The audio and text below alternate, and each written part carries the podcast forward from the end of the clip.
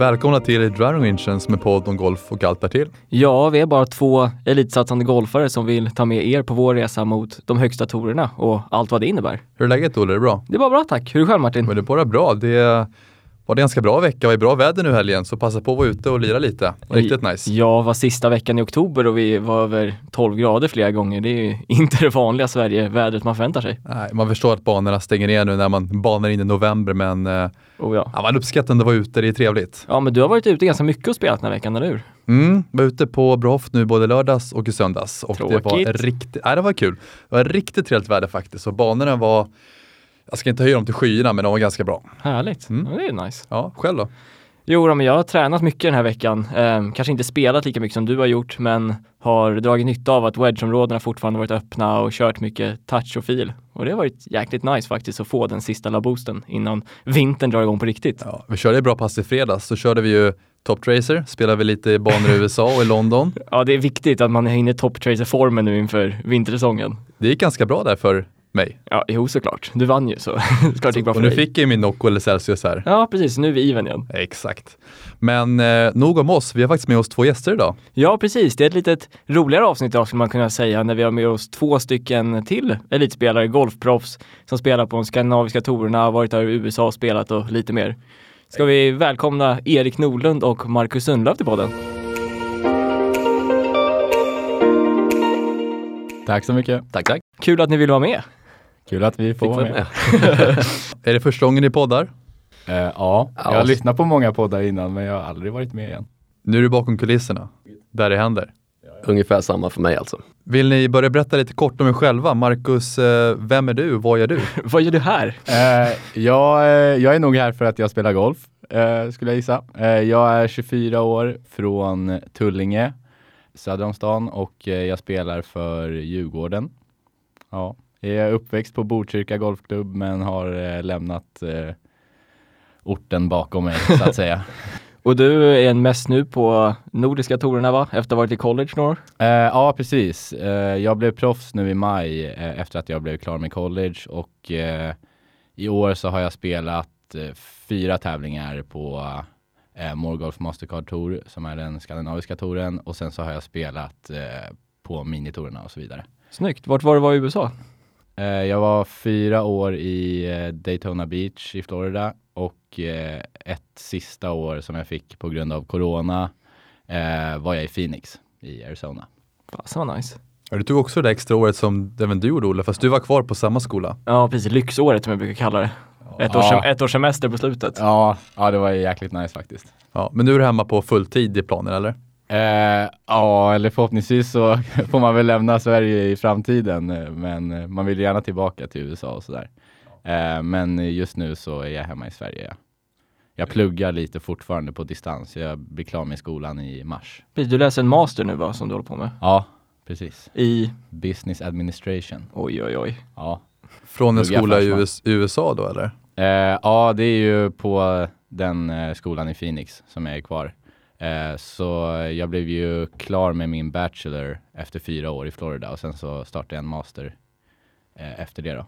Spännande. Ja, Exakt. Ska vi gå vidare till nästa gäst här? Erik, vem är du och vad gör du här? Ganska mycket av saker som gäller Marcus och även Olle och Martin gäller mig. Golfare, spelar som golfproffs då på, på Nordiska touren. Jag är 23 år gammal, spelar för Österåker, så jag känner de här två herrarna väldigt väl sedan länge. Stackare. Ja, stackars mig. Det har varit många tuffa år. Eh, jag har varit en kort sväng på college. Det passade inte mig så bra. Var där en termin. Åkte hem och pluggade istället nu hemma. Eh, har pluggat tre år och läser nu vidare till min, min master två år till. Vart var du i USA då? Eh, North Carolina, Campbell University. Okej. Och du trivdes inte så bra eller vad var anledningen till att du inte kände att det var rätt för dig? Det kändes bara, helheten var inte, det var inget speciellt som var fel. Men helheten passade inte mig så bra. Det var lite grann en, jag gick gymnasiet i Uppsala då och bodde då hem, hemifrån då i Uppsala. Så det var lite en, en 2.0 gymnasiet och det kände jag mig ganska klar med. Så det var lite därför jag valde att åka hem istället. Ja men det är ju någonting vi har pratat om många gånger i podden, att det finns ju inte en väg att gå som är rätt. Alla ska ju verkligen hitta sin väg och vad som känns bäst. Och jag tycker det är ju starkt om man är över, testar, sen om man inser att det inte, ja, men det är inte för mig, då är det starkare att åka hem än att vara kvar och göra ja, tre och ett halvt dåliga år eller vad man nu kände. Det är ju klockrent att man ändå kan ha den insikten att bara, nej men det här är inte det, det här är inte min rätt väg att gå för att nå dit jag vill. Ja exakt, det är ganska dyrt att bara åka över och må dåligt där borta och vara kvar även fast man liksom känner att man inte vill. Så ja, men det är ändå bra att testa för man lär sig ändå ganska mycket om sig själv och ja, men, det är en helt ny kultur, nytt språk etc. Så det är nog starkt att komma över. Ja, men verkligen, jag ångrar inte att jag åkte. Nej. Och jag ångrar inte heller att jag åkte hem. Det är klockrent. win-win. N- när, vilket år åkte du över? Eh, hösten 2017. Och var, kom hem då ja, till jul 2017. Hur kändes det när du kom hem direkt? Var det liksom, kändes det fortfarande rätt rätt? Eller var Först det... var det skönt. Sen var det lite tomt när jag hade ett halvår jag inte visste vad jag skulle göra riktigt. Men eh, sen började jag plugga då hösten 2018 så det vart, vart väldigt bra. Jag blev klar med min kandidat då som motsvarar en amerikansk kandidat som går tre år hemma, fyra år i USA. Så jag var klar samtidigt som jag skulle ha blivit ändå. Det är perfekt. Men hur många, är det här, det är inte din första säsong nu på Nordiska, du var ute en liten kort skvätt men var Ja. tvungen att kliva av på grund av skador igen, eller hur? Precis, det är ju min första hela säsong. Ja. Eh, sen hade jag ju jag har haft ryggskadeproblem sen ja, två, tre år tillbaka. Så jag hade inte haft 2018 kunde jag tävla, inte 2019 och inte 2020. Jag gjorde små försök till mini-comebacks men det vart bara bakslag direkt. Så det var första hela året i år. Kul att vara tillbaka på riktigt då och känna att man kan faktiskt spela fullt ut. Ja, nej, men golf är, golf är väldigt kul och det är kul att vara tillbaka och kunna tävla och spela som man, som man vill. Ja, det är bra. Ja, härligt. Det har varit två gäster, men vi ska prata mer med dem. Men vi har lite snabba frågor för att eh, värma upp stämbanden lite. Ja, precis. Få igång surret lite som vi brukar säga. Exakt. Så vi tänkte smälla av några snabba frågor. Det kommer vara enkla frågor, men bara det första ni tänker på är bara att svara. Så vi tänkte börja med Erik då. då. Vad hade du helst valt? 18 raka par eller börja runda med 9 birdies och sen avsluta 9 bogeys? 18 par alla i veckan. För För... att? inte hjärtat skulle ge vika. Jag kö- köper ändå det svaret. Ja, ändå rimligt. Det hade kanske varit skillnad om man gjorde 9 raka bogeys än 9 raka birdies. Den det hade roligare. Ja. Det. Även hade fast varit man hade bättre. gjort samma egentligen prestation. Det hade jag hellre gjort än 18 Nio raka par. boogies, då Men- går det fort hem med bilen kan jag säga. ja, oh. ja, tar vi nästa fråga till Marcus. Din favoritbana i USA? Streamsong tror jag. Eh, ut, ligger utanför Tampa i Florida. Eh, de har tre olika banor. Jag tror vi spelar eh, Streamsong Blue. Spelar den med två polare. Sjukt fin bana. Ja, ja har du Jag var, där, jag var där och spelade regionals nu i våras. Ja, jag spelar ni. Blue, Blue. också? Mm. Eh, visst är den typ, hål 7 är eh, riktigt fet par 3? Ja, Patrena med Ja. vattnet innan och det där. Ja, Ja, det är grymt. jävligt bred bana som man... eh, Ja, det gick ju svinga allt man kunde hela tiden. ja, ja, jävligt cool anläggning faktiskt. Ja, nice. Erik, bästa banan du har spelat i ditt liv? Oj. Ehm, bästa eller favorit? Äh, välj själv. Okej, favorit säger jag Visby Okej. eh, på Gotland. Det är en personlig favorit sedan många år tillbaka. Det var alltid där med familjen på somrarna och det har en speciellt plats i, i hjärtat. Lite nostalgiskt sådär. Ja, men så är det. Men då vart jag intresserad, vad är bästa banan då? då?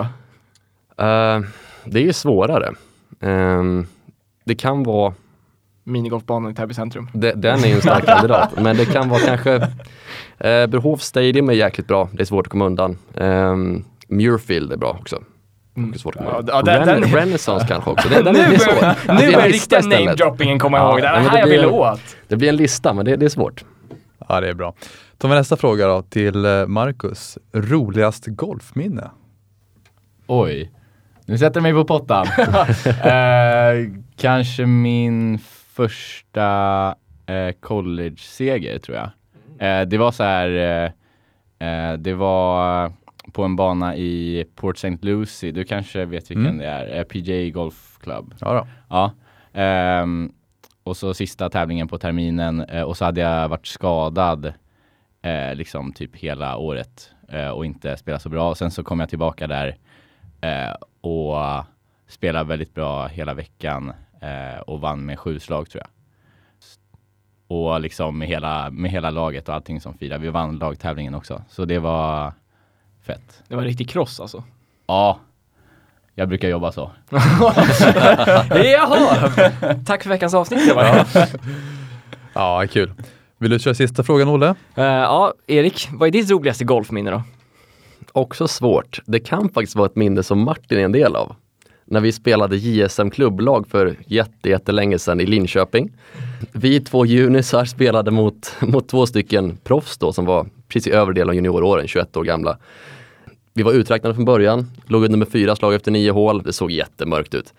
Fram tills att vi med fyra hål kvar att spela låg tre ner, vann fyra raka hål för att vinna matchen Och det avgjorde att vi vann den stora matchen för vår klubb och gick vidare till, till finalen då, i Sverigefinalen. Det var fantastiskt kul. Det, svängde, det flög en putter på hål 18. Ja, jo, han spelade på dödat sin, sin tränare. Han skickade putten iväg 60 meter ut i tjockruffen. Alltså det var, Men det var någonting, för det vände ju efter nio på hål 10 mm. så vände det mentalt för oss. Ja. Minns du vad som skedde? Jag minns exakt vad som hände. Du hade dels tagit en kaffe, det var ju steg ett. Det var viktigt. Och sen hade vi, vi såg en, en rullskidåkare var det va? Ja. Eh, på väg upp för en ganska brant uppförsbacke. Och när han åker upp där så är det någonting annat som låter som jag vet inte vad ett flygplan eller en helikopter eller något som Lite lät, motor. Ja, ett motorljud. Och han, han körde så jäkla fort. Så vi såg att det där är inte okej, han fuskar ju. och det var ju det som var hela grejen alltså. Att han fuskar. fuskar. Han fuskar. Ja. Ja, det gick så här oproportionerligt fort i den uppförsbacken. Nej, det var, han måste ha varit, antingen fuskade han eller så var han bäst i världen på rullskidor. Det var, det var en av de två. Jag minns inte vad som var i kaffet, men jag såg ju samma som du i alla fall, så jag var inte ensam. nej, nej. Det roliga, Det det är var- ett sjukt kul minne, men ska man vara lite seriös i det så är det ju det är ju verkligen golf. En liten sak som bara kan ändra ens mindset och ändra ens inställning till någonting och helt plötsligt så vänder spelet trots allt. Ja, så vi hade ju kul även på första nio, men det hade ju mycket roligare på andra nio. Ja, det tror jag. Ni vände världens match och vann. Ja, ja, men även innan dess när det gick, gick halvknackigt fortsatt och vi höll jämna steg så var det ändå jäkligt kul. Och det var så kul för Peter, vår tränare, undrade vart vi var någonstans baknian. ja. Men vad, vad Erik och Martin? De borde väl ha förlorat vid det här laget och låg under så mycket. Så sa någon, ja men de är på 14. Bara, Va? Lever de fortfarande? Ja, så han blev ju nästan, han var ju arg på oss, Ja. berättade han efteråt. Och sen såg han att de står och high-fivar på 17 green, vad är det som händer? Så han kommer ju springande med fairway och vi säger, han bara, vad är det som händer? Vi bara, vi är lika. Och han höll ju på tappa andan. ja, det var jäkligt kul faktiskt. Men Det är häftigt. Båda ni har ju ändå minnen som är också en del, trots att det var individuella prestationer, så är också lagdelen. Mm. Och det är väl det ofta som är häftigt i golf, det man minns är att man har Mm. fler att fira med. Det är en sån helt annan känsla i det. Ja, det blir ju, det blir ju mycket roligare. Ja. Eh, på sånt sätt. Man har ju mycket fina individuella minnen också, men sånt där sticker ut eftersom man gör det så sällan i den här sporten. Oh ja, och det kan ju Marcus säkert hålla med om. Partysarna när man har vunnit med ett golflag, de brukar vara ganska bra, de festerna. ja, ja, men, ja, precis. Det är ju så, man kanske i golf saknar man ju ganska mycket lagdelen. Kan, eh, kanske många som spelar golf har spelat en lagsport också och tycker kanske att ja, man saknar den delen. Just därför kanske ja, men college är kul och så vidare. Och det är därför kanske man säger, när man säger ett bra golfminne så är det ofta eh, någon lagtävling eller sådär. För att man har flera och kanske dela glädjen med då. Det håller jag verkligen med om. Vi har faktiskt en fråga till som jag glömde, men vi kan ställa den till båda. Vi kan börja med Marcus. Ditt favoritgolfcitat, har du någonting? Get rich or die trying. 50 Cent, klassiskt Så golfcitat. på få- hål 1 när du är lite nervös, då intalar du själv det här. Ja, men det, är, det är ganska skönt ändå. Det är ju fullt ut, inga håll tillbaka liksom. Det är bara att försöka allt man kan. Fullt ös, medvetslös. Ja, men lämna allt på banan. Ja, Nej, det, det är inte det. supergolf eh, specifikt, men det funkar ju i eh, kanske många delar i livet. Inte bara i golf då. Erik? Oj. ehm, ett favorit för att det är roligt, som jag alltid tänker på när jag står över en, en nedförsputt, är Göran Zachrisson. Som en gång sa, den här putten är så snabb så bollen kommer rulla tills den stannar. tänker på det varenda gång jag står på en snabb putt och det brukar vara ett litet leende, även om det går dåligt på banan. Då är den snabb. Ja, då är den snabb. Ja, äh, vad kul. Men då är vi lite uppvärmda, Olle, eller vad säger du? Ja, och vi kan väl gå in lite mer på, ja lite mer kanske hur säsongen har varit och snacka lite generellt och hur det känns nu. För det är ändå höst och vi leder in mot en inomhussäsong och ja men utvärdera era egna utomhussäsonger lite. Vad har ni gjort bra? Vad är ni nöjda med? Vad kommer ni fokusera på att göra bättre? Kan börja med Erik, vad känner du? Mm. Eh, den här säsongen har ju varit, eftersom jag inte har kunnat spela fullt förrän nu egentligen, på två, tre år, så har det varit en ganska mycket trial and error. Vi har testat att se vad som funkar, vad som inte funkar, vart ligger spelet. Och jag är bara jäkligt glad att kunna spela golf på heltid.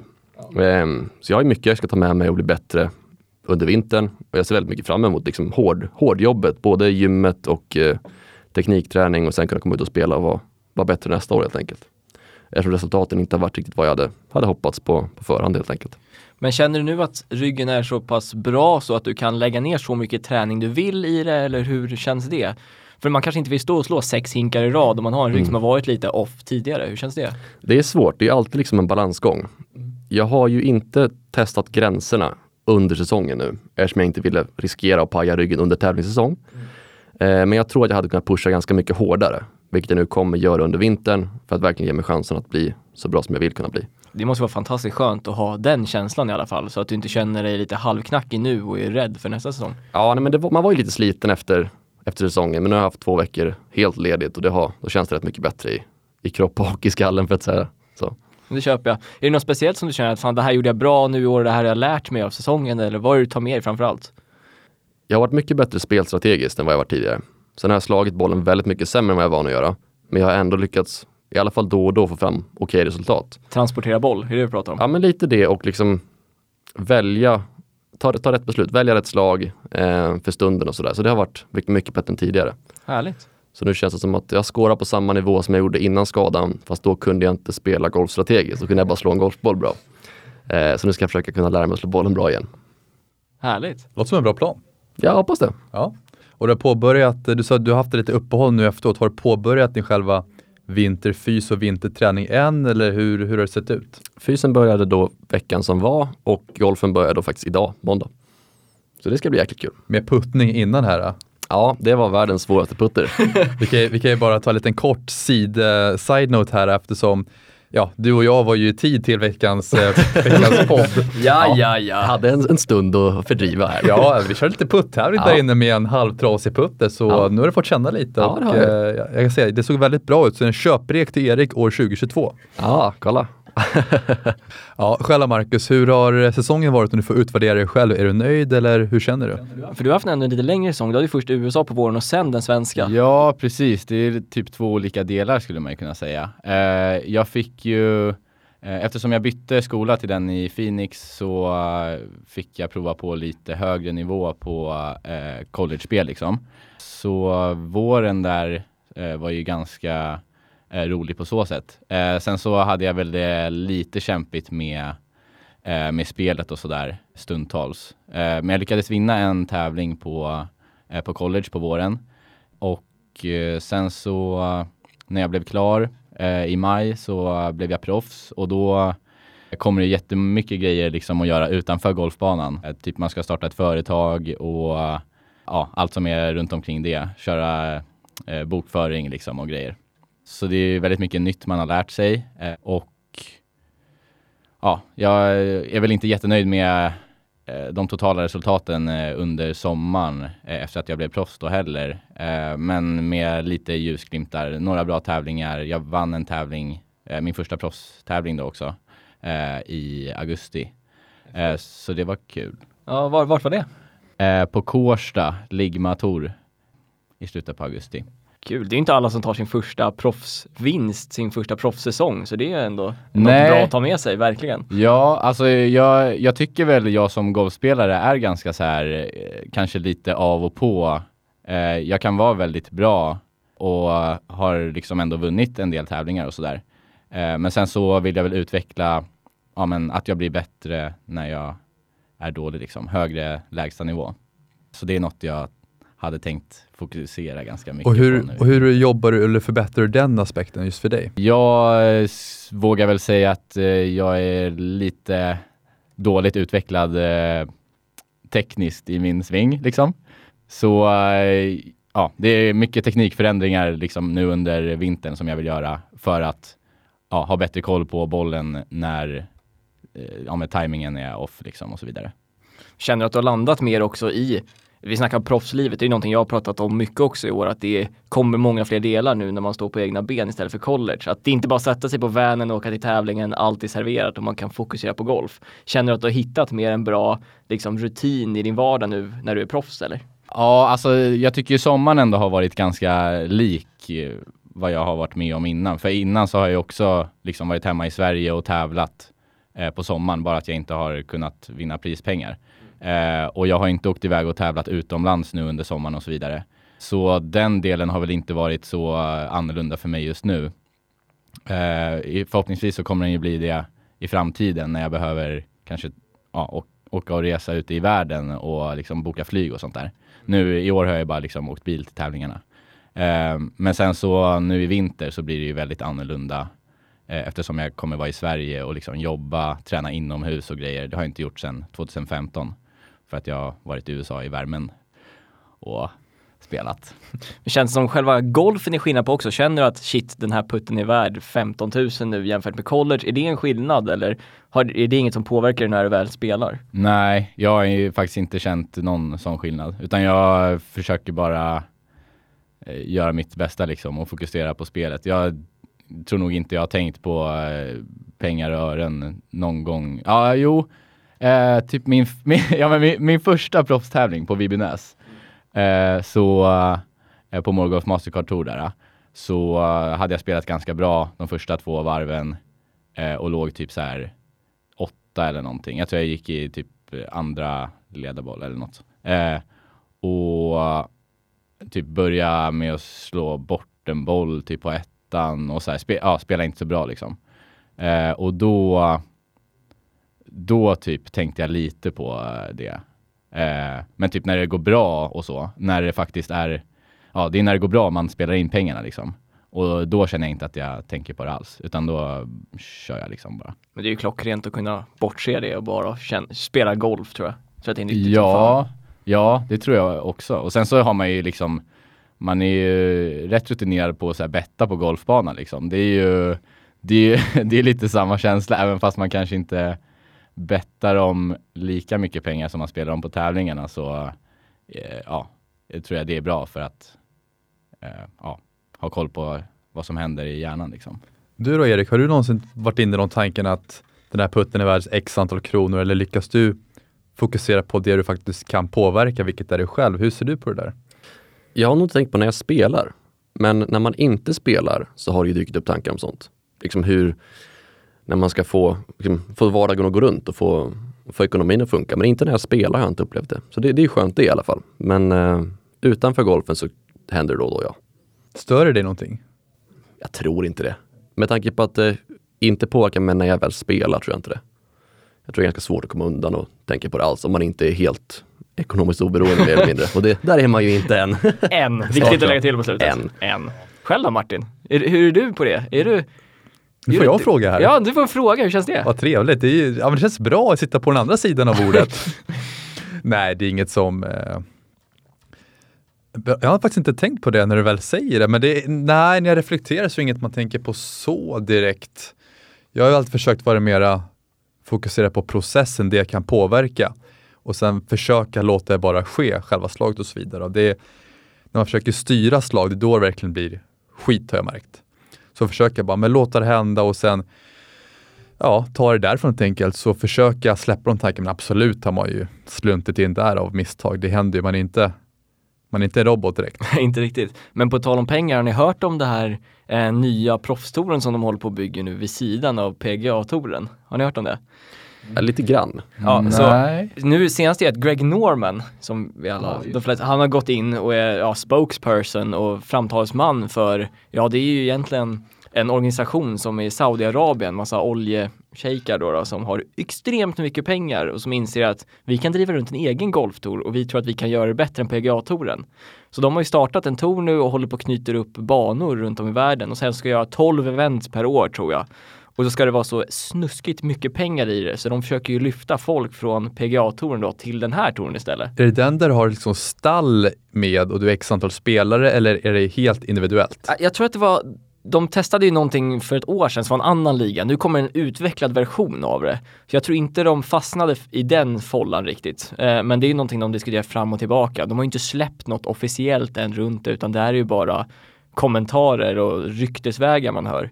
Men eh, de, det ryktas om att det är flera större namn som har redan sagt att de vill göra det. Och det där gillar ju PGA-touren inte riktigt. De säger ju det att ah, åker ni spela de där tävlingarna då är ni bannade från vår tour för all framtid. Har, har du någon annan att delge er eller är det hemlig information du sitter på? Ja, väldigt hemlig information. Nej, det här är min Google-sökning för en kvart sedan. det, är jag själv, tror det eller ej. Nej, men man har faktiskt inga, inga klara namn eller specifikationer på något av det. Men jag tycker att det är ganska intressant för PGA-touren har ju alltid varit the governing body, de som stämmer, eller bestämmer hur allting är och det kommer vara ganska intressant att det kommer en competitor, eller vad tror ni? Tror ni att det kan liksom göra att PGA-touren utvecklas mer eller tror ni att det här bara kommer floppa? Alltså jag, om man bara tänker liksom allmänt i livet så är det ju rätt bra med eh, kon vad he- eh, konkurrens. konkurrens. Konkurrens ja. ja. Ja, eh, så för det liksom får ju PGA-touren att tänka, okej vad, vad kan vi göra för att eh, vi ska vara bättre än dem? Eh, annars blir det liksom, PGA-touren har ju monopol på alla spelare just nu liksom.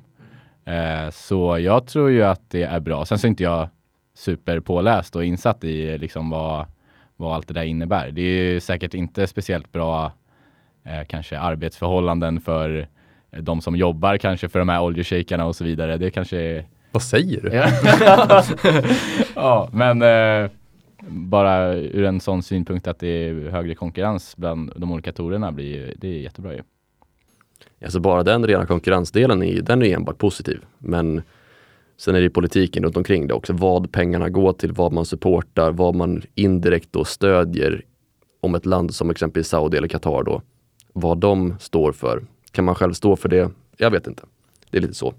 Sen är det kanske också så här, eh, man kanske inte kommer få alla de bästa spelarna eh, spela mot varandra då.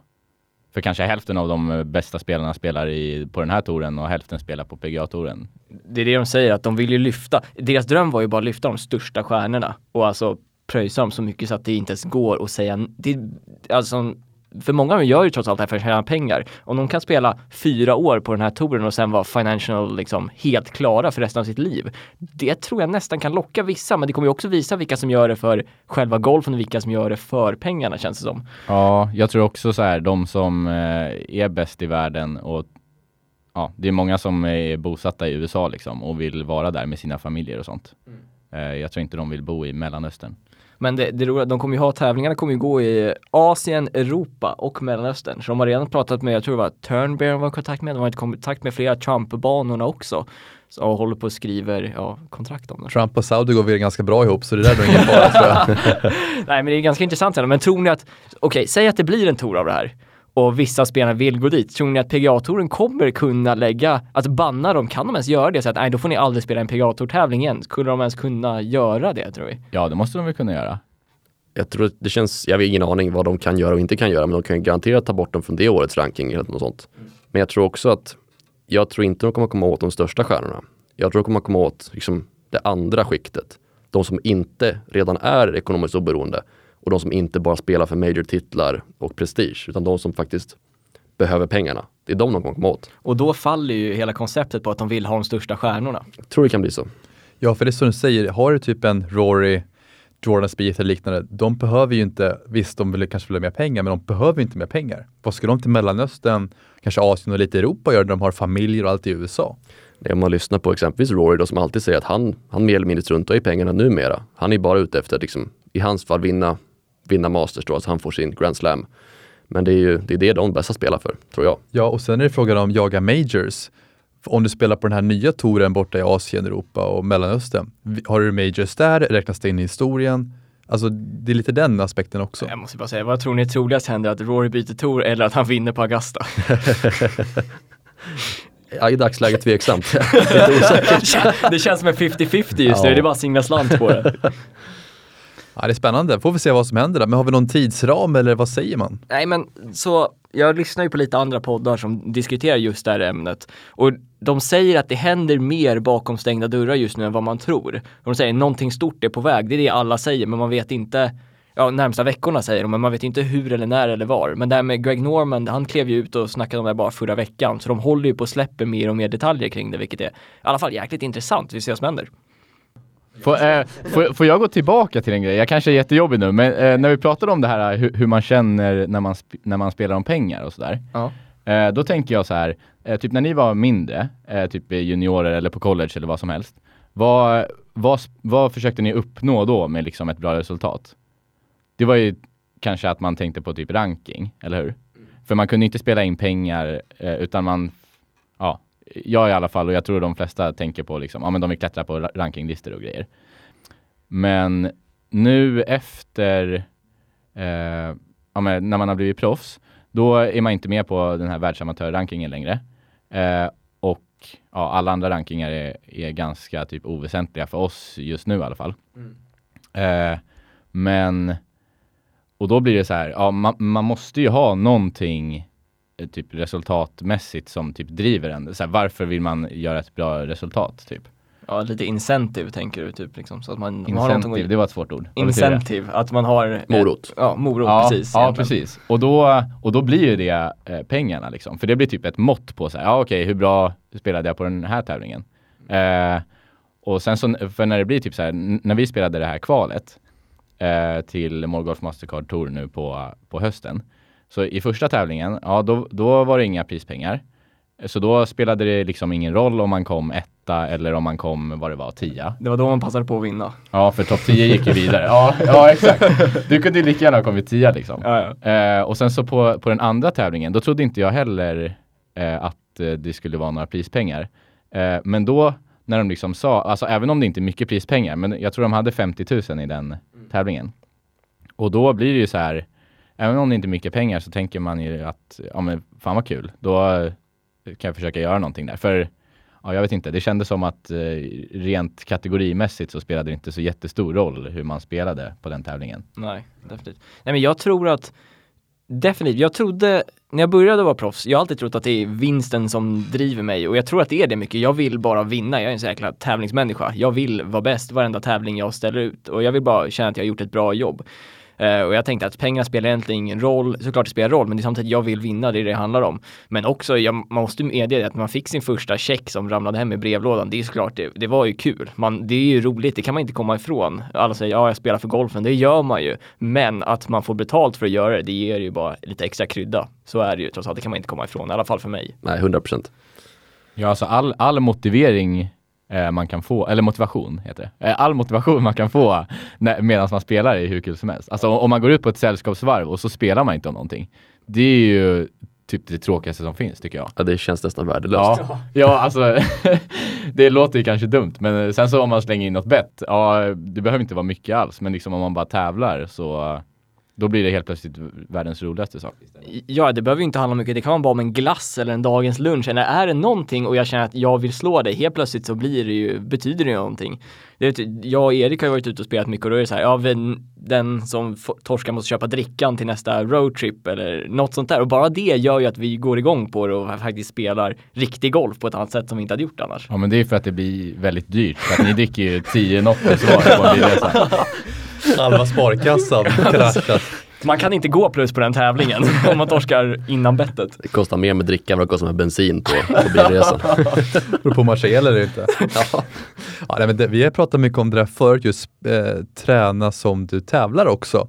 Att du ändå har en typ av form av press när du väl är ute så du inte bara står och slår utan kanske någon fokus och bara slår för att slå. Jag tror det är ganska viktigt även när du är ute och spelar att du har någon typ av press bakom dig. Att jag missar det så kommer det kosta lite. Då kommer Olle sitta där med sin jäkla knock och vara så nöjd efteråt. Det vill man ju inte se. Aldrig. Vad menar du nu? Du vet exakt vad jag menar. Ja. Nej men jag, jag tycker det är klockrent, faktiskt bra att du lyfter det och det är ett jävligt bra tips till alla som faktiskt vill komma någonstans med golfen och vill bli bättre under tävlingssituationer. Att gå ut och ja, men betta mot kompisarna. Det behöver inte vara mycket men bara att man alltid har någonting att spela för som, så att det gör ont om man slår dåliga golfslag helt enkelt. Ja det måste vara tillräckligt mycket för att det ska eh, liksom göra ont om man torskar ju. För dig är det extremt mycket pengar, Nej, för oss nej, andra är det alltså, glass. det behöver inte vara pengar. Det kan ju vara liksom, ja men ja, jag vet inte. Käka bränt ris i hagge liksom. Det kan vara Ständigt äta brännarris. ja, Nej vad säger du, ska vi gå över på lite Q&A och lite frågor vi fick från Instagram? Ja, eh, jag har faktiskt en fråga jag vill ställa eh, som inte var från Instagram men från ett annat socialt medier.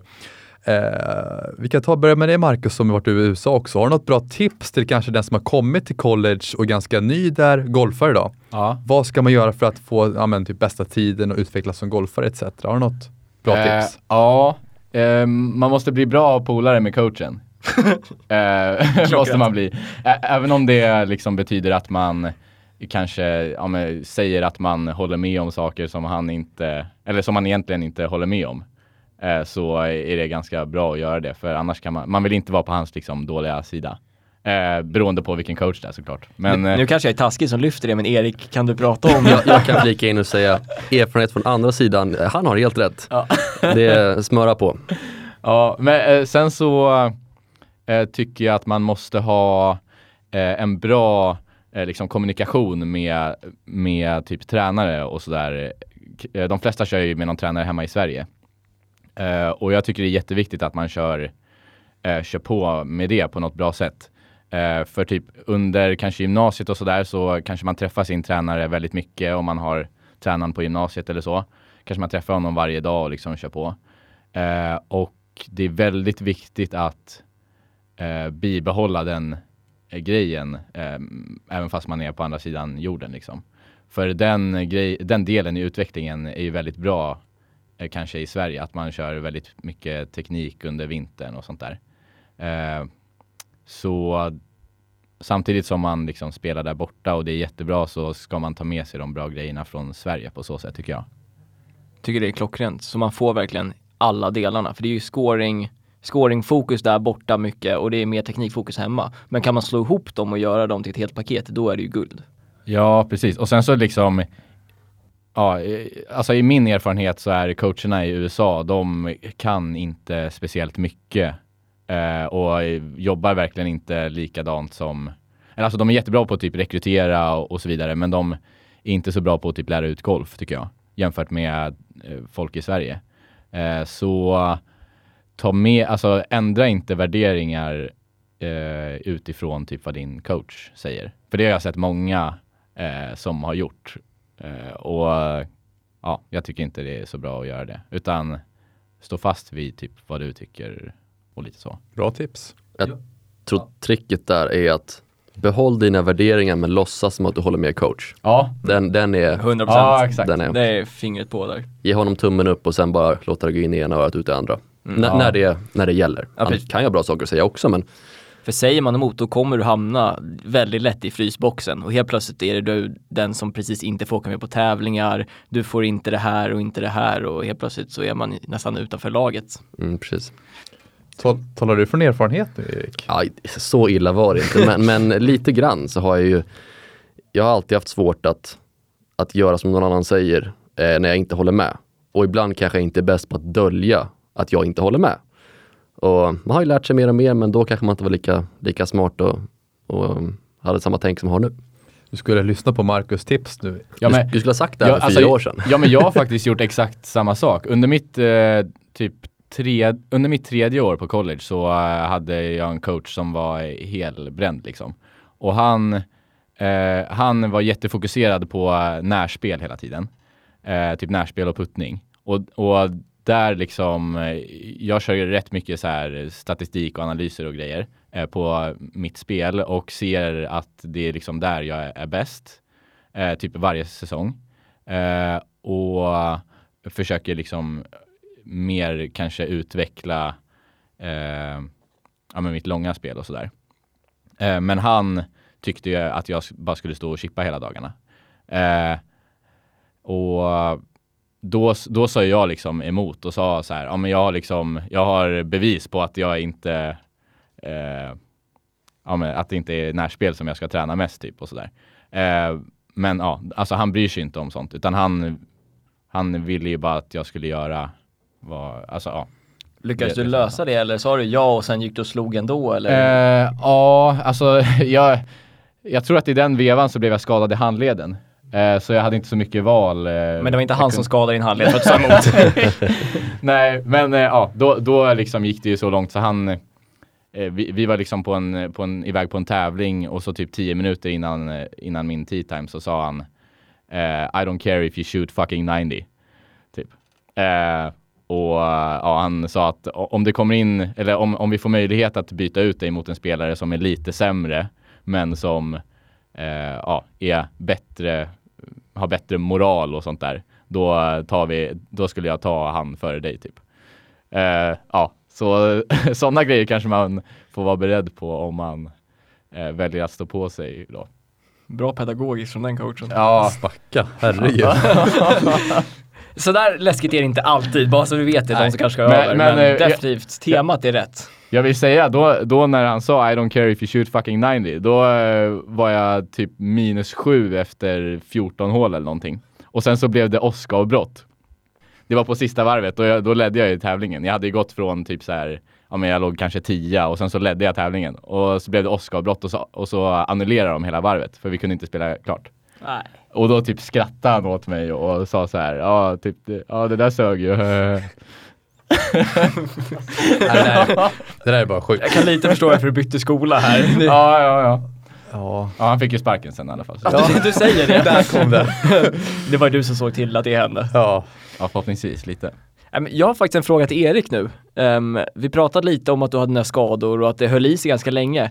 Har du något tips för det? Du är inte den enda golfaren som blir skadad. Hur håller man motivationen uppe eller hur tappar man det inte trots allt? Vad, vad gjorde du och vad känner du att du kan ta med från det mentalt? Ja, det, är, det är ju så, alltså om man blir skadad tänker du. Ja, jag tänker om man är skadad Ja. inser att jag kommer inte kunna spela i år eller att man kanske försöker komma tillbaka till men inte lyckas. Hur håller man modet uppe liksom? Eller hur gjorde du? Till en viss del så tror jag att det är, har man motivationen och liksom elden och drivet för, ja i det här fallet golf, så kommer motivationen finnas kvar där. Eh, har man den inte kanske det är svårare. Eh, för mig i mitt fall så var det så att det var jobbigt men jag såg liksom inget annat alternativ eftersom jag ville så gärna komma tillbaka och spela golf. Ehm, så för min del var ju det, ja, inom citationstecken enkelt. Det skötte sig självt men jag vet inte om jag har några bra tips sådär egentligen. Det handlar bara om att bara borra ner huvudet och försöka, försöka- se slutmålet på något sätt ändå. se slutmålet, lägga en tydlig plan och sen inse att den här planen kommer skita sig. så en ny plan hela tiden och försöka liksom ta ett, steg, ett steg i taget, en dag i taget. Göra, Ja. det, göra det bra. Vi har fått in en tittarfråga som du kanske ska bygga på det där svaret lite. Din svåraste tid inom golfen, skulle du säga att det var just ditt, när du var skadad? Ja, det, det, det måste man nog säga oavsett hur golfen har gått upp eller ner resultatmässigt så var det det, var det svåraste och eh, den tiden man mådde liksom sämst ofta. Men det var, som tur är, hoppas jag att det är mestadels bakom mig nu i alla fall. Om du kan, om du skulle kunna gå tillbaka i tiden till när du blev skadad och prata från där du är idag, vad skulle du ge dig själv för tips? I mitt fall så var det nog, det svåra var ju att jag tyckte jag hade skött, jag hade ju skött fysen ganska bra, jag hade skött min träning ganska bra. Och det jobbigaste var egentligen att jag tyckte det kändes orättvist. Att varför händer det här mig när jag sköter det här bra och jag ser andra som sköter det dåligt. Den var ju det nästan det svåraste. Um, hade jag fått säga till mig själv och gå tillbaka hade jag sagt att ta det lugnt, det kommer bli bra. Eh, du behöver inte hålla på och se den värsta situationen som kan tänkas hända. Utan håll modet uppe, liksom, hur svårt det än är. Bra, ja, det där kan vi verkligen ta med oss. Marcus, vad är din svåraste tid inom golfen? Är det något mentalt, spelmässigt, bort i USA? Nej, alltså det är, det är på samma spår som Erik. Jag har också haft, inte lika mycket problem som Erik, men jag har haft problem med en handled eh, fram och tillbaka. Så det, var ett, det var en hel termin som jag gick utan att eh, ja, kunna slå liksom. Nu är det ganska lite jämfört med Erik, men ja, eh, så det var jäkligt tråkigt liksom. Eh, så det är väl den perioden. Men i stunden så är det ju, alltså du jämför inte med andra i stunden. Du fok man fokar bara på sig själv och just då så var det ju säkert att världen var upp och ner. Ja, ja alltså det var ju skittråkigt. Jag var i USA och, och hade liksom hur bra förhållanden som helst för att kunna spela och träna och ha kul och bli bättre och så det enda jag kunde göra var att stå och putta liksom. Men din coach var nöjd då? Skitnöjd. Ja, så nöjd. Ja, precis. Men uh, ja, så det var väl min värsta period. Sen så typ när man var liten liksom. Alltså jag, jag förstår inte riktigt hur jag fortfarande spelar golf. För när jag var, för när jag var liten, jag, jag har en äldre brorsa som är fem år äldre än mig. Och han eh, var liksom ganska bra i golf. Han var mycket bättre än vad jag var när jag var eh, mindre liksom. Och han, eh, så jag gick ju och jämförde mig med honom typ. Eh, ganska mycket. Så va- varje gång jag var ute och spelade tävling typ så hade jag ju extremt höga förväntningar mot vad jag borde ha haft. Eh, så jag tror att typ de första tre, fyra åren eh, när jag tävlade eh, hade jag liksom inte någon tävling där jag typ var nöjd och glad efter.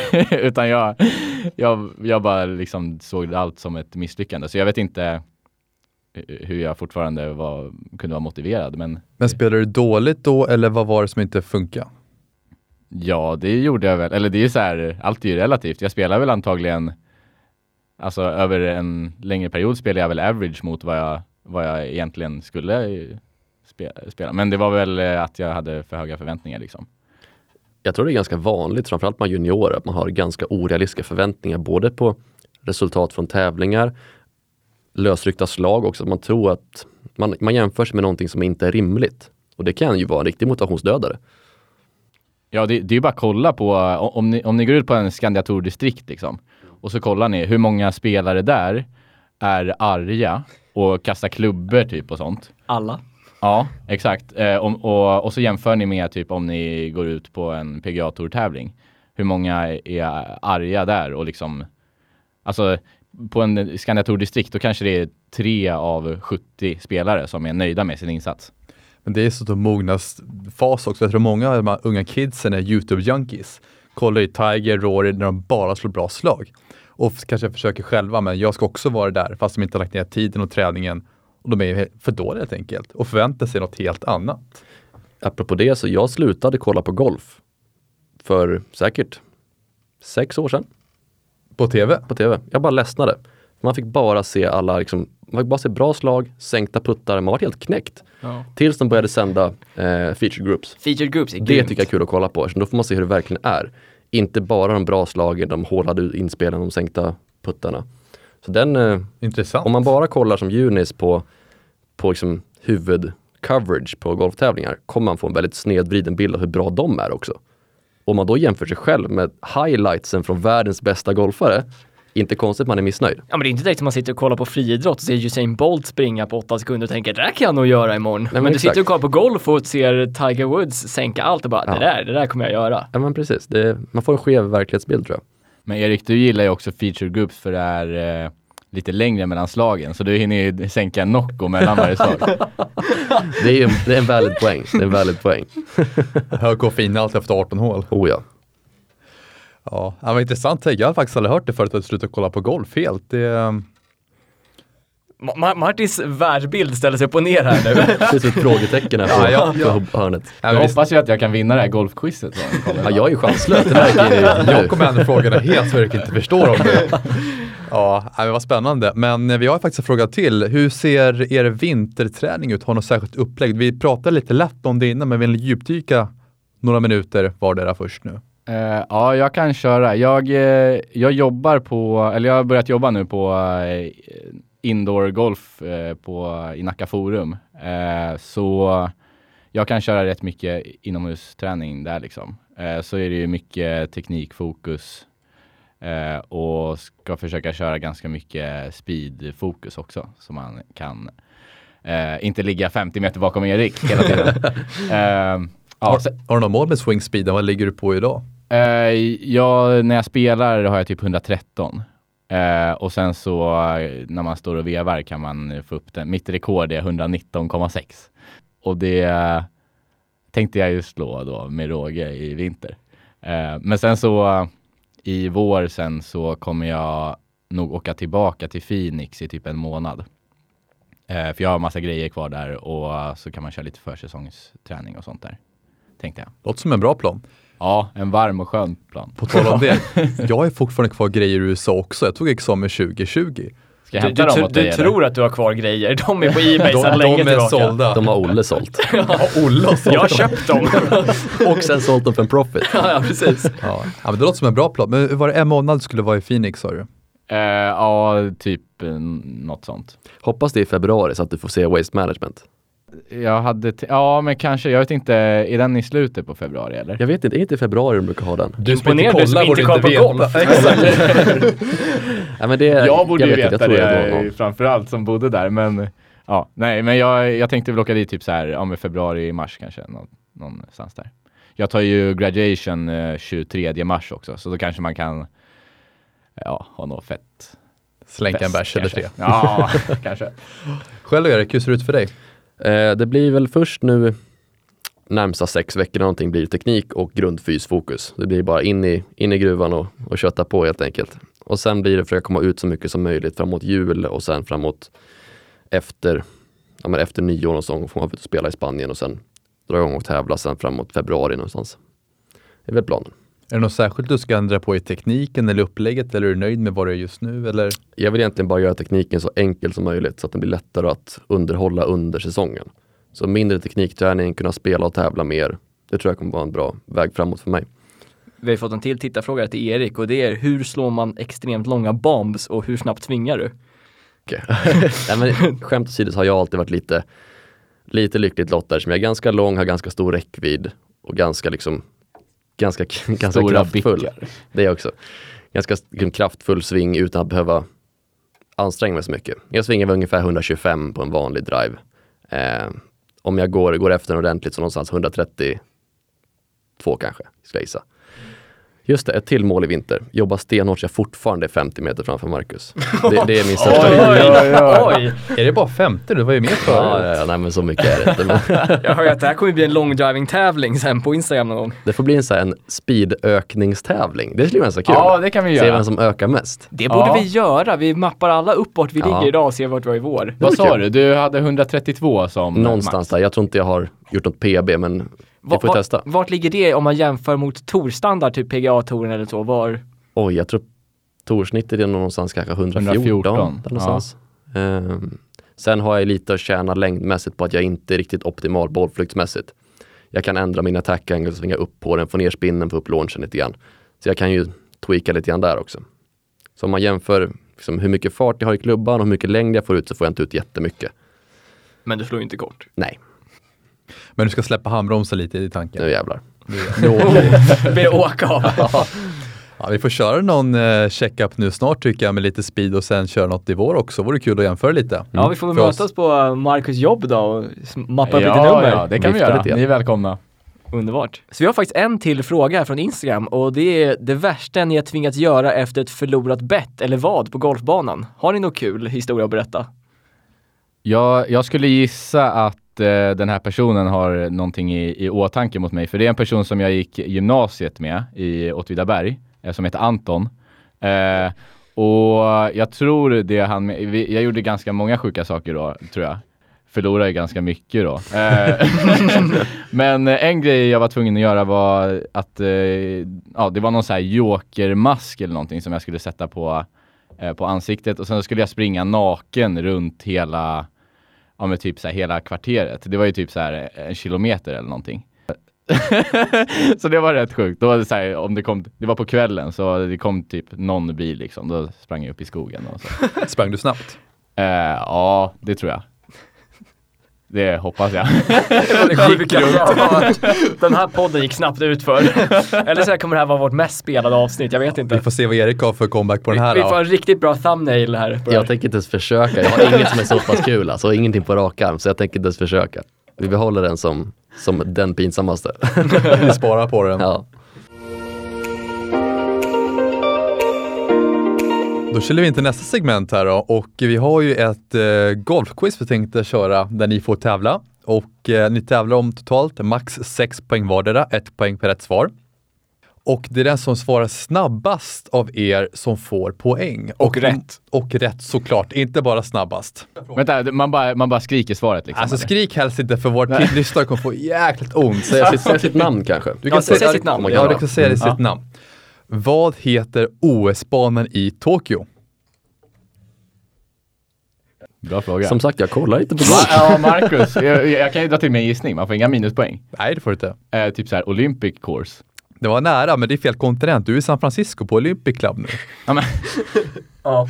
Nej, det, nej, det, det, nej, det var Den fel. föll direkt. Den föll direkt. Platt Så- fall. Svaret var Kasumiga, jag kan inte ens uttala det. Kasumigasaki Country Club. Ja, jag, ja. Jag är inte besviken att jag missade den faktiskt. bra!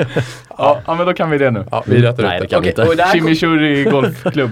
och den här frågan kommer att vara vem som kommer närmast rätt svar. Och det är, vilken plats slutade Taylor Pendrith på i veckans PGA-tourtävling? Jag har ingen aning vem Taylor Pendrith är. Och du vet inte vart veckans PGA-tourtävling var heller. Det vet jag inte heller. Ehm, Men då är det bra att du bara får gissa på ett nummer nu. det, det är en fördel för mig tror jag. Eh, ja, du börjar Ska jag säga börja? då. Ehm, han är antagligen inte kanonvass med tanke på att jag inte vet vem det är. Jag ser att han ehm, Ja, han klarar katten och han kom eh, 69 tror jag. Ja, eh, jag tror ju att den här killen är eh, rookie på PGA-touren och att han ledde inför sista varvet. Som spelar på Bermuda gjorde de. Eh, och, eh, men det var inte han som vann. Jag skulle ju bara kunna, va, du sa 69. Ja, du kommer vara mycket närmare om man var Ing- nära på nej, att nej, inga taktiska Om gissningar man här. inte själv 68. Ja men, ja men jag drar till med typ så här eh, att han kom eh, trea typ. Nej, det är riktigt bra gissat. Han kom delad femma den här veckan faktiskt. Ja, bra jobbat Taylor Pendrith. Shoutout. Shoutout till Pendrith. ja, nu kör vi eh, snabbast här då, igen då. Det här blir kul eftersom du inte kollar på golf. Så vi Jag, får, jag, jag har ett underläge här från början. underläge. Portugal Masters spelas denna vecka på Europatouren på Dom Pedro Victoria Golf Course. Vem vann tävlingen 2020? Ja, man har inte asbra koll Det på känns som att det här Europatouren, segmentet kan bli bortklippt. Ja, Tittarvärde noll. ja, då- här Syrsor, ljud i bakgrunden bara. Man får ju dra till med en chansning ju. Vi kollar på roliga. Portugal, eh, eh, ja Marcus. Sebastian Söderberg. Jag säger Eddie Pepperell. Ja, jag vet inte om de var nära. Eh, Båda tyvärr fel. George Coetzee var det som vann. Ja, ja. Eh, en anekdot. Jag har hört att han typ är den sämsta bollstrikern i hela världen på touren. Alltså, Ja, det har jag hört. Eh, av en kille som spelar lite tävlingar med honom på Sunshine Tour. Där ser man. Så man behöver inte slå bollen bra nere i Portugal i veckan. Nej, det tror jag ju inte. sämre desto bättre, uppenbarligen. Han kan ju nog blixtra till och slå bollen bra också. Han är ju liksom ändå typ topp 300 i världen. Han har ju vunnit på jätte flera gånger. Ja. Så eh, jag säger verkligen inte att han är dålig. Han är bara bra på att scora. Återigen. Cred, cred till George. Transportera boll. Ja. Det är ganska viktigt. Det handlar inte om vem som har fräschat bollträff utan vem som får bollen dit den ska. Ska vi gå vidare till nästa fråga och nu är det närmast igen. Den som har, och frågan nu är, hur många bollar landar i vattnet på hål 17 på TPC Sawgrass per år? Och då inte bara tävlingar utan per Ja, år. totalt per år. Totalt per år. Oj, I snitt liksom. Nej, alltså under ett helt år, hur många? Ja, oj! något Det finns en siffra. liksom. Det finns en siffra som vi Oj, har hittat. Jag Okej. säger, jag tror jag har sett den här siffran någonstans. Oj, Så jag vet vilken storleksordning, eller så är jag helt fel ute, det vet jag inte. Men jag säger 15 000. Eh, ja, okej. Eh, jag tänker ju att de, eh, jag, jag är, ju matematiskt lagd, Eh, så jag, jag tänker ju att det, kanske Så du spelas... ska åka och räkna bollarna menar du? Ja men det kanske spelas golf där 300 dagar om året. Så kanske det slås strax, eh, ja men typ så här 50 bollar i vattnet per dag. Eller är det mer kanske? 50 gånger 300, det är ju... Tänk dig en fyrboll som har druckit lite under dagen. Okej, men Det- 100 bollar om dagen då? Ja men 30 000. Svaret är 125 000. Oj, jag är 10, en 10 potens fel. Det är rätt mycket. Du är också matematiskt lagd. Välkommen till Matematikpodden. Ja, vi får göra bättre nästa gång. Får vi se hur ni nailar den här då. Återigen lite golfbanor och sånt då. Är det, är det snabbast nu eller? Nej, nu Nej. är det eh, vi säger, du får börja svara först och sen får du börja svara. Vilken bana på PGA-touren som är återkommande varje år, alltså det är inte en ny venue, har den högsta lä- respektive lägsta snittscoren under 2020? Vem börjar? Marcus? Eh, högsta, på PGA-touren sa du? Svårast bana? Ja. Um, kanske Bay Hill på uh, svårast. Och uh, lättast. De spelade ju någon för några veckor sedan som, där de sköt jäkligt lågt. Gjorde de inte det? Uh, på typ så här, nah. Ja, men jag drar till med den här Bermuda då eh, som de spelade. Den var ju kort. Nu blåste det mycket den här veckan, men jag tror att de brukar vinna på typ så här 20 jättehögt under. 21 högt. Ja. Det är två kvalificerade gissningar. Bra gissningar, säga. Erik? Eh, jag tror att svårast är PGA National. Eh, och jag tror att lättast är, heter den PGA West, den som är borta i Kalifornien? Det gör det. Ja, jag tror att det är de två. Vi kan säga så här. då. Första svåraste så var båda era svar topp 10 svåraste. Mm. Men Marcus hade rätt på det. Åh! Ja, ja! Det är en applåd. Det är första rätta svaret Men, idag. ane- anekdot. Jag, eh, jag, gick, jag gick och kollade på den tävlingen. Gick jag och kollade på Matt Wolf.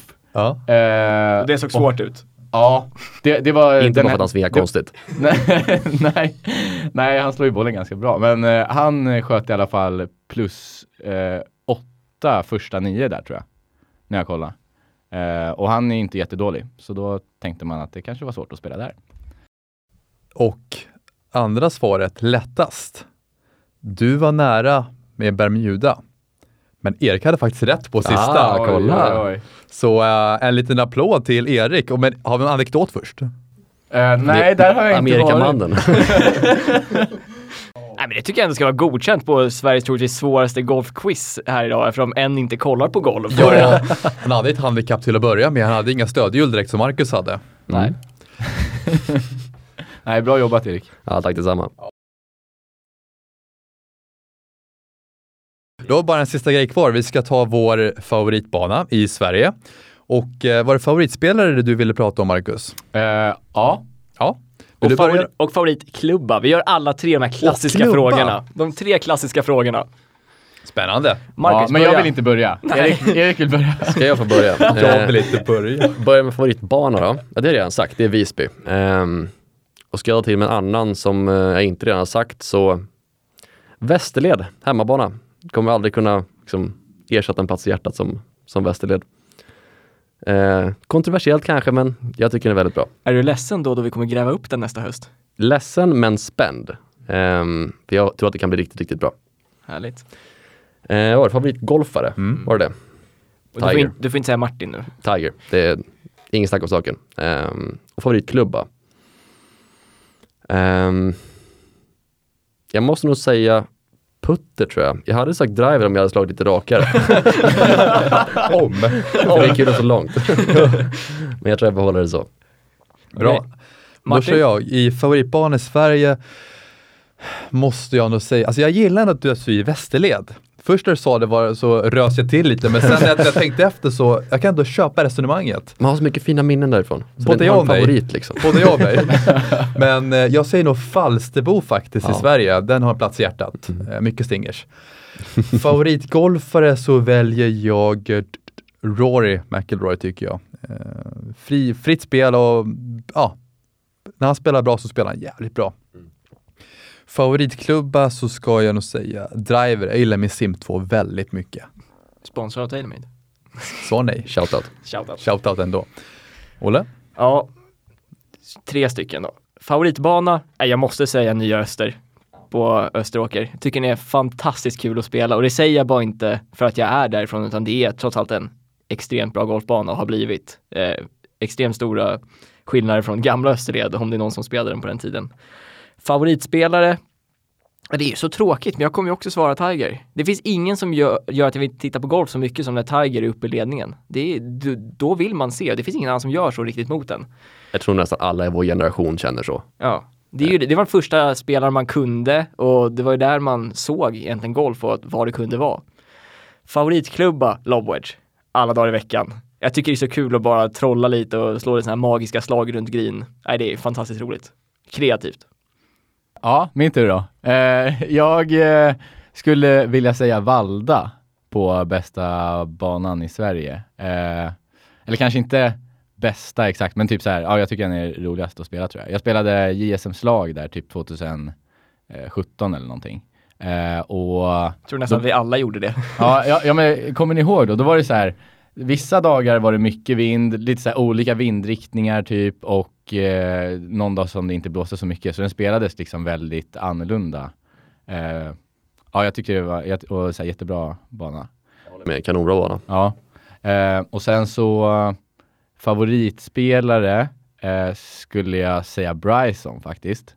Eh, han gör ju många grejer som är lite så här eh, tveksamma kanske, men så här också, jag gillar honom för att han är så typ revolutionerande liksom. Han har lite nytänk eh, och ja, med ganska mycket grunder bakom så här, vad han tänker och sådär.